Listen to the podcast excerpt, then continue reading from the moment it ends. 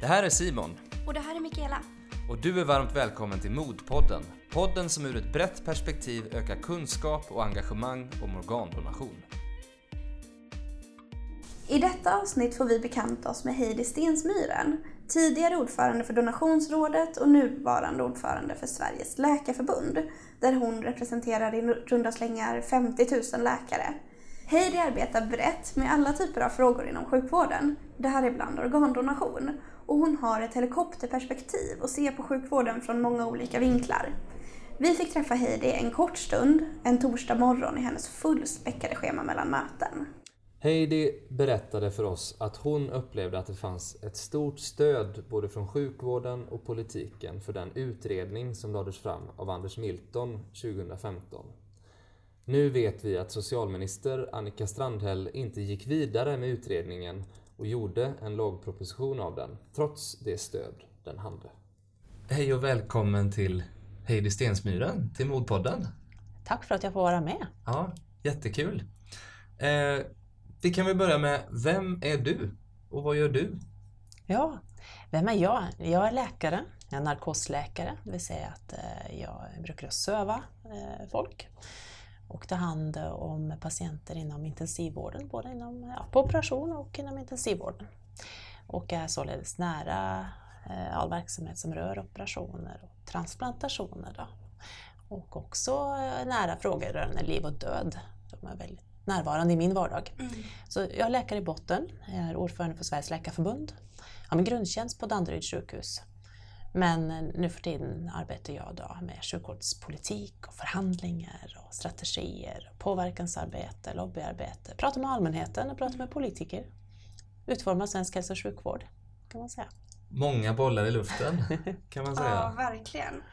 Eh, har du en personlig koppling till organdonation? Ja, jag har faktiskt det. Min eh, kusin avled när hon var eh, 18 år i en hästolycka. Och eh, då hennes familj bestämde, eller var involverad och diskuterade det här på slutet. Och eh, hon eh, donerade sina organ. Så vi har en närstående som har donerat organ. Det är många år sedan. Sedan så har jag arbetat med, med professionellt som nar- narkosläkare kommit i kontakt med organdonation, Mm. transplantation också. Med tanke med, ehm, på temat skillnaden mellan donation och transplantation. Eh, skulle du kunna förklara lite grann vad skillnaden är mellan de två områdena? Ja, de, de här är ju helt skilda eh, i verksamheten. Organdonation är ju då någon eh, kan donera organ och det är ju efter döden. Man, man vårdar den personen och när den väl är död så kommer frågan upp om man har möjlighet att donera organ. Och det är en helt skild företeelse från då, eh, transplantationen igen. Och vi är olika doktorer som tar hand om det här. Så att eh, ja, det är helt olika processer kan man säga. Mm. Transplantation, när någon får ett organ, det är ju en eh, det är inte bara en start och en, en enskild händelse. Det är ofta ett livslångt åtagande i sin tur igen. Och det är då transplantationskirurgerna som tar hand om det. Eh, Så det är en helt egen process Mm. igen. De är skilda. Och det är viktigt också. Varför är det Är det? viktigt? Ja, det, det är två helt olika saker. Det ena är ju då en, någon som har möjlighet att donera organ. Men Framförallt så vårdar vi ju den personen och tar hand om den, alla behov helt tills den ja, tyvärr ofta avlider. Och då först kommer frågan om som, do, att donera organen upp. Och det ska inte påverkas av eh, om någon behöver ett organ. Alltså det, är två, det är först när det väl är klart som nästa eh, skede kan ta vid. Mm. Så det, det ska vara två olika. Det, det är också viktigt när vi pratar om de här frågorna att allmänheten är trygga i att det är två Mm. olika eh, skeenden. Mm. Och det är också viktigt när det gäller organdonation att, att allmänheten känner trygghet. Man vet vad som händer. Det är inget konstigt, det är inget som är hemligt. Utan det är väldigt öppet vad som händer. Och att man känner sig trygg i att eh, eh, man blir väl omhändertagen i hälso och sjukvården. Vi vårdar för att ta hand om både bota och lindra den som är sjuk. Mm. Precis. Och du var tidigare ordförande för Donationsrådet. Vad, hur var din roll där och hur jobbar Donationsrådet med de här frågorna? Ja, Donationsrådet eh, huserar då inom eh, Socialstyrelsen, vilket är naturligt, för Socialstyrelsen är ju på något sätt eh, hälso och sjukvårdens stora myndighet. Vi har ju andra myndigheter som också är viktiga för hälso och sjukvården, men Socialstyrelsen har en särställning.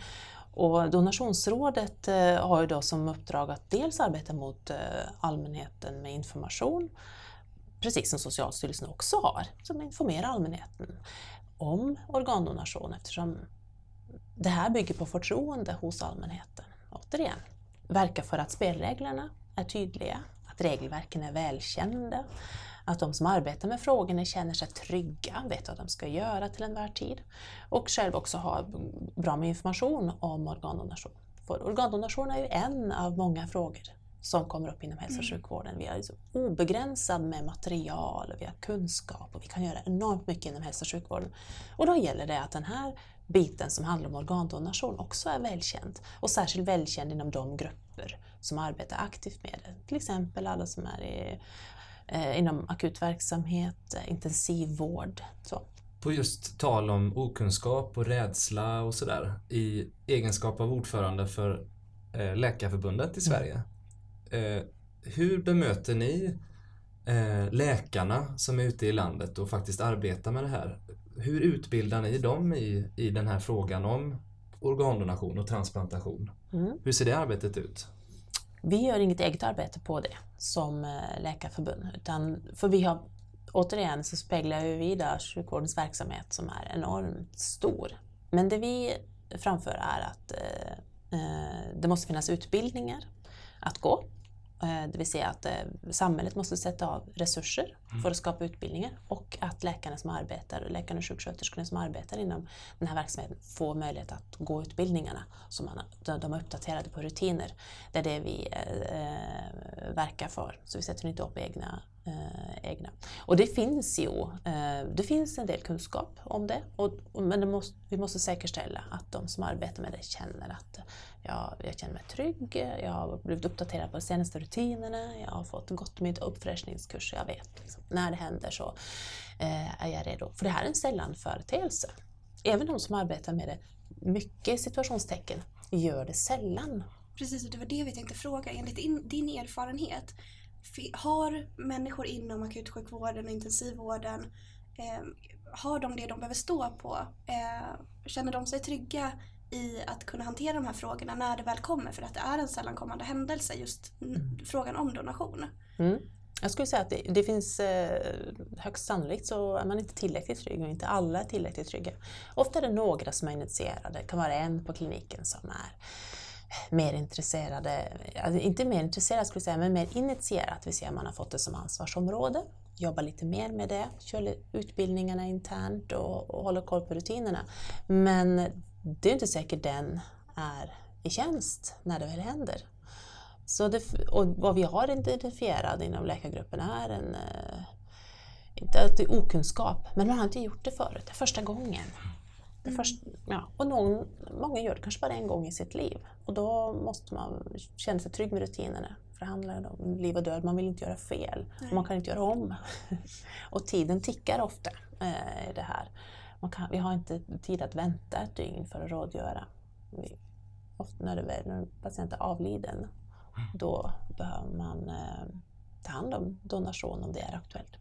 Precis. Och bara för att förtydliga, tidigare var du ordförande vid Donationsrådet och idag är du ordförande för Sveriges läkarförbund. Eh, så att vi bara, mm. jag tror att vi missade att säga det. Just det. Eh, hur ser ditt arbete ut här eh, på. Sveriges läkarförbund? Ja, det är mångfacetterat eh, kan jag säga. Eh, jag jobbar mycket mot politiken. Mm handlar om att öppna dörrar, eh, skapa relationer, förstå de politiska skeendena. När är en fråga möjlig att driva? När är det kört? När, eh, det har mycket med timing att göra. Eh, politik. Och sjukvård är väldigt mycket politik. Mm. Så jag jobbar mycket med det. Sen så arbetar jag mycket med etik, jag är ordförande för medicinsk etisk kommitté i Världsmedicinska organisationen arbetar mycket med etikfrågor som kommer upp. Svarar på många frågor runt i världen. Eh, jag ska till Vatikanet om en månad och prata om wow. physician assisted dying, det med ja, läkarassisterat döende Ah, och eutanasi exempelvis. Så Det, det är många eh, ganska konkreta frågor som kommer upp. Så det arbetar jag en del med. Jag arbetar mycket med förhandlingar och säkerställa löner, pensioner. Jag är lite pensionsnörd så jag gillar det.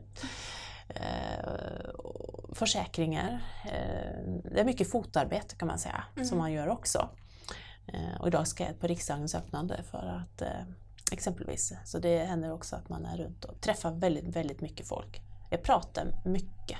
Det kan jag sakna av och till, tid att ta in saker, läsa material. Det är mycket gå från det ena mötet till det andra. För du hinner inte jobba något kliniskt nu? Stämmer Nej. Det? Nej. Det gör jag inte. I och med att vi, när jag blev ordförande så la vi om arbetet så att vi skulle arbeta mer medialt, så som ni gör nu med podd exempelvis. Eh, Och det har fungerat så bra att nu tar stort sett min tid eh, till intervjuer. Mm.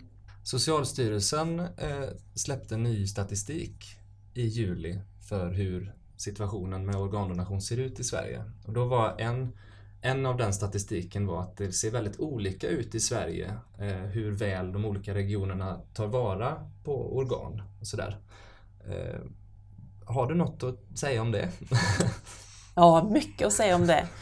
Eh, först kan vi säga att det är generellt för Sverige att det, vården ser väldigt olika ut beroende på vart man bor. Vi säger att det är beroende på vilken sida landstingsgränsen man eh, bor på. Det är personberoende det här. Det beror på vem som är i tjänst, om man har bra rutiner, om man har eh, möjlighet att eh, säkerställa att organdonation blir av. Eh, och vi borde inte ha de här regionala skillnaderna. Vi har känt till dem i många år och de eh, består eh, fortfarande. Så som också skillnader i vård generellt i Sverige ser ut. Vi borde absolut uppmärksamma det mer och se till att det inte är så. Hur skulle man kunna göra det? Och, och se till så att tillvaratagandet på, på organen blir mer jämlik över, över landet. Mm. Jag skulle gärna se att vi hade ett regelverk lite mer som i Norge där det är sjukvårdspersonalens eh, uppgift att åstadkomma organdonation. Det skulle vara ingen absolut skrivning men det skulle puffa oss lite eh, åt det hållet. Eh, nu, mm, och förutom det så behöver vi att vår eh, utredning som är gjort i Sverige kommer, eh, att det blir verkstad av den. Den ligger i den berömda kön på Socialdepartementet. Eh, och det, så, så ska ju lagstiftning och, se ut. Det ska gå lite trögt. Men det är olyckligt att den blir liggande. För vi har ett stöd eh, i hälso och sjukvården och i befolkningen och jag upplever heller ingen eh, politisk kontrovers, kontrovers rörande frågan om att eh, nu göra förändringar så att vi kan bli bättre på att donera organ i Sverige. Eh, tyvärr så, eh, så har den inte ännu blivit en proposition. Och där kan man säga att eh, det finns ett par frågetecken men det finns ingen utredning där det aldrig finns några frågetecken när man måste våga och sätta ner foten politiskt och säga att det, eh, det kan finnas eh, överväganden vi behöver göra men nu gör vi så här. Eh, så, så det skulle vara väldigt olyckligt tror jag om den utredningen som ligger inte blir eh, det vi kallar en proposition, alltså går vidare idag eh, och så småningom blir lagstiftning. Eftersom vi har arbetat så länge med det. Det är välkända problem eh, och vi skulle behöva bli bättre. Så det är väl det. Sen så kan man säga att regionala skillnader kommer vi kanske alltid att ha i ett land som Sverige där hälso och sjukvården är helt lokal. Vi pratade ju en del om det eh, idag innan vi träffade dig Heidi. Eh, det här med ojämlikheten i sjukvården just med organdonation. Och du pratade lite grann om eh, ett femte transplantationscenter. Eh, Men alltså, jag vet inte om det finns några förslag på det här men jag, eller jag fantiserar om eh, kanske någonting i Umeå eh, för just närhet till hela norra Sverige som annars måste åka så långt. Om man tittar på befolkning så kanske det inte är hållbart. Eh, Mm. jag vet inte. Nej. Eh, jag bara tänker på, jag bodde i Huddinge, vårdades alla delar på Huddinge sjukhus och tyckte att det var liksom, alla kan ju naturligtvis inte ha det så. Mm. Men närheten till mitt sjukhus och alla avdelningar och dialysen och liksom, om det var någonting så var alla i samma hus. Ja. Det var, för, alltså det var ju hur bra som helst. Mm. Men tyvärr är det ju inte alla som får det som mig. Eh, men eh, ja, jag vet inte. Men, Där, där, där har det någonting med volym att göra. mm, För att eh, klinikerna ska vara tillräckligt bra så behöver de ha ett, en hyfsat stor volym på det de gör. mm, Så att man har vanan inne. Så, inte minst gäller det, ja, det gäller det med omhändertagande av, eh, av den som är transplanterad. Eh, Men det gäller också kirurgin i sig, att den som opererar har en hög eh, volym, är vana, stor vana att göra det. Eh, Och, och således så tror jag vi att kommer att se en, en snarare åt, åt andra hållet, en större koncentration i Sverige mm. av, eh, av vård framöver. Kommer det bidra till en mer jämlik vård? Bra fråga. Eh, Det viktigaste är ju att man har till så pass speciella saker som transplantation, att man har tillgång till det. Mm. Då kan man tänka sig en transport eh, för ett ingrepp. Men när det gäller eftervården exempelvis, då måste vi säkerställa att den kanske är nära mm, hemmet på ett annat sätt. Så det beror på hur man lägger, lägger upp det, kan man säga. Men idag så ser vi att, en, att två patienter som ligger på samma avdelning kan ha olika eh, ersättningssystem. De går efter olika, hur länge de får ligga, Mm. olika, eh, olika vad de får ersatt för, för utlägg. Eh, och så. så det är väldigt ojämlikt. Vi borde samköra oss mera i Sverige. Det är väldigt mm, svårt. Går det att hitta inspiration i exempelvis Norge där med Mm. ur ett jämlikhetsperspektiv? Eh, Säkert. Norge kör mycket mer på nationella kompetenscentra. De kör många fler saker nationellt än eh, vad vi gör. Regionalt eller lokalt i Sverige då? Mm. I Sverige är det landstingen som styr hälso och sjukvården. Och så har vi då våra hälso och sjukvårdsregioner. Men eh, det är, en, det är svårt för Sverige att samordna sig. Det, det är många hövdingar i Sverige. Säger en hövding. Nej, jag är ing- ingen hövding så. Men, men det är ju helt klart att eh, Norge har mycket mer nationell samordning. Jag tänker om vi, om vi byter ämne helt Mm. eh, och ställer vi frågan kan, hur kan man se på donation ur ett medicinetiskt perspektiv? Bra fråga. Eh, etiken är nog alltid med oss i, i medicinen. Ett, där är det viktigt att, att särskilja de här spåren, att organdonation är ett spår. Eh, men individens vilja, den slutar ju inte gälla för att individen dör. Det är viktigt att vi har med oss att den viljan ska respekteras även efter döden. Man, mm, och att man eh, tar hand om det på ett bra sätt, förvaltar det förtroende som eh, patienterna har gett oss att ta hand om dem eh, och deras önskan. Det är viktigt. Det är också viktigt att det måste vara en trygghet i, hos patienten att man vårdar dem för deras egen skull. Eh, de kan känna sig trygga med hälso och sjukvården. Vi har samma debatt när det gäller eutanasi exempelvis. Eh, Så, så det är en fråga, på många sätt en fråga om liksom, autonomi och självbestämmande. På många sätt. Och, och att det är transparent. Det är väldigt viktigt. Mm. Det finns ju eh, många som eh, undrar, tror jag, över om, om min vilja kommer att respekteras efter jag har, har dött. Det är en fråga som vi ofta får på, på mod. Eh, och eh, därför så tror jag att ett tydligare regelverk kring det här med att respektera donatorns vilja eh, kommer att, att stärka donationsviljan Mm. på sikt. Är det någonting som utredningen berör? Man, har titta, man har haft frågan uppe och tittat hur ska man viljan uttryckas? Kan den uttryckas på ett enklare sätt? Eh, vi har ju det vi kallar hängslen och livrem i Sverige idag. Man kan ha ett donationskort i fickan, man kan ha, berätta för anhöriga, signat upp sig i donationsregistret. Eh, det, det, eh, det finns inget rätt och fel på vad man gör. Men man ska ha gjort någonting. Den största gruppen har kanske inte gjort någonting alls men man har berättat för anhöriga. Och många gånger läggs det då en extra börda på anhöriga som får komma in. Ehm, men det finns en stor vilja att respektera den avlidnes vilja. Eh, vad, vad utredningen föreslår är att man får, ska få titta i donationsregistret och utreda eh, om en person har en önskan och signat upp för att eh, donera organ. Annars så kanske vi får, eh, vi genomgår transporter och undersökningar och sedan efteråt, alltså innan döden fastställs eller i, på vägen dit kan man säga. Och man kanske gör undersökningen i onödan om personen har redan gjort sin vilja känd och att man inte vill donera. Mm. Så, så det är väl viktigt att, hur vi omhändertar den viljan. Mm. Men vi, vi, idag är det ju tolkningen väldigt strikt att man inte tar upp frågan eller frågar eller tar reda på det innan. Eh. Nu har vi nog bara tid för en fråga till tror jag. En ja. kvart över elva. Mm. Precis. Eh, någonting som vi har eh, funderat lite på det är huruvida politiken och sjukvården alltid går hand i hand när det kommer till fråga om donation och transplantation. Eh, vad, vad har du att säga om det? Den, jag sa ju tidigare att den är inte politiskt kontroversiell frågan. Och, och de menar den är inte så att det finns en stor meningsskiljaktighet inom politiken eh, där någon är emot och det finns ett stöd, upplever jag, för den utredningen som ligger. Men alla vet att frågan om liv och död är väldigt känsliga. Mm. Det är eh, således svårt för politiken att ta den. Och det kan vara en svår debatt att ta när det gäller etiska frågor. Man ska inte snäva på fakta, vad gäller, säga fel.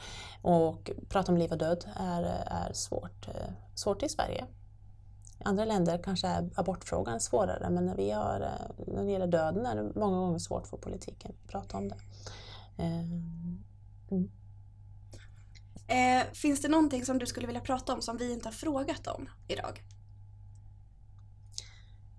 Ja, den här möjligheten att få donera. Vi pratar, nu har jag nämnt döden några gånger, men det är ju den, det känns väldigt fint för egen del tycker jag att tänka på det att om det skulle inträffa så, så har jag meddelat att jag kan eller att jag vill donera mina organ. Och det är en fin sak att donera. Mm. Jag har själv en anhörig, en kusin då, som har donerat sina organ.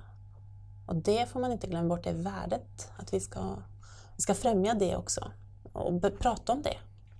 Så borde prata mer om det. Mm. Ja, det är en gåva. Tack så mycket. Ja. Tack, tack. Hej, hej. Sådär ja. Heidi är en så inspirerande person tycker jag. Det är spännande att höra hur hon har valt att sluta jobba kliniskt, alltså som praktiserande läkare och eh, istället jobbar inom politiken för att påverka och göra skillnad. Och faktum är att Heidi är en, är en av de mest eh, tongivande spelarna i sjukvårdspolitiken trots att hon egentligen inte är politiker. Ja, precis. Och jag tror många glömmer bort att sjukvården och politiken inte bara handlar om vad som bestäms i riksdagen, utan att det finns många andra parametrar och organisationer som bidrar till lagändring eller nya direktiv. Och det är ju därför MOD jobbar så hårt med de här frågorna, för att om vi som intresseorganisation kan mobilisera och bidra med kunskap och förståelse så kommer vi kanske kunna påverka i slutändan. Och det är viktigt att understryka att det inte bara är Heidi som säger att det vore olyckligt om utredningen inte gick vidare, utan alla vi har träffat under hösten har poängterat hur viktigt det är att utredningen leder till en proposition. Förslagen i utredningen är välförankrade med ett brett stöd från hela professionen. Att Annika Strandhäll valt att inte gå vidare är förstås ett stort nederlag för alla som driver frågan om organdonation i Sverige och inte minst för alla patienter som väntar på organ idag och imorgon. Vad tar du med dig ifrån intervjun med Heidi? Hör av dig till oss på podden merorgandonation.se eller skriv till oss på vår Facebook-sida Mer organdonation. Tack så mycket för att ni lyssnade. Vi hörs igen nästa vecka. Hej då! Hej då!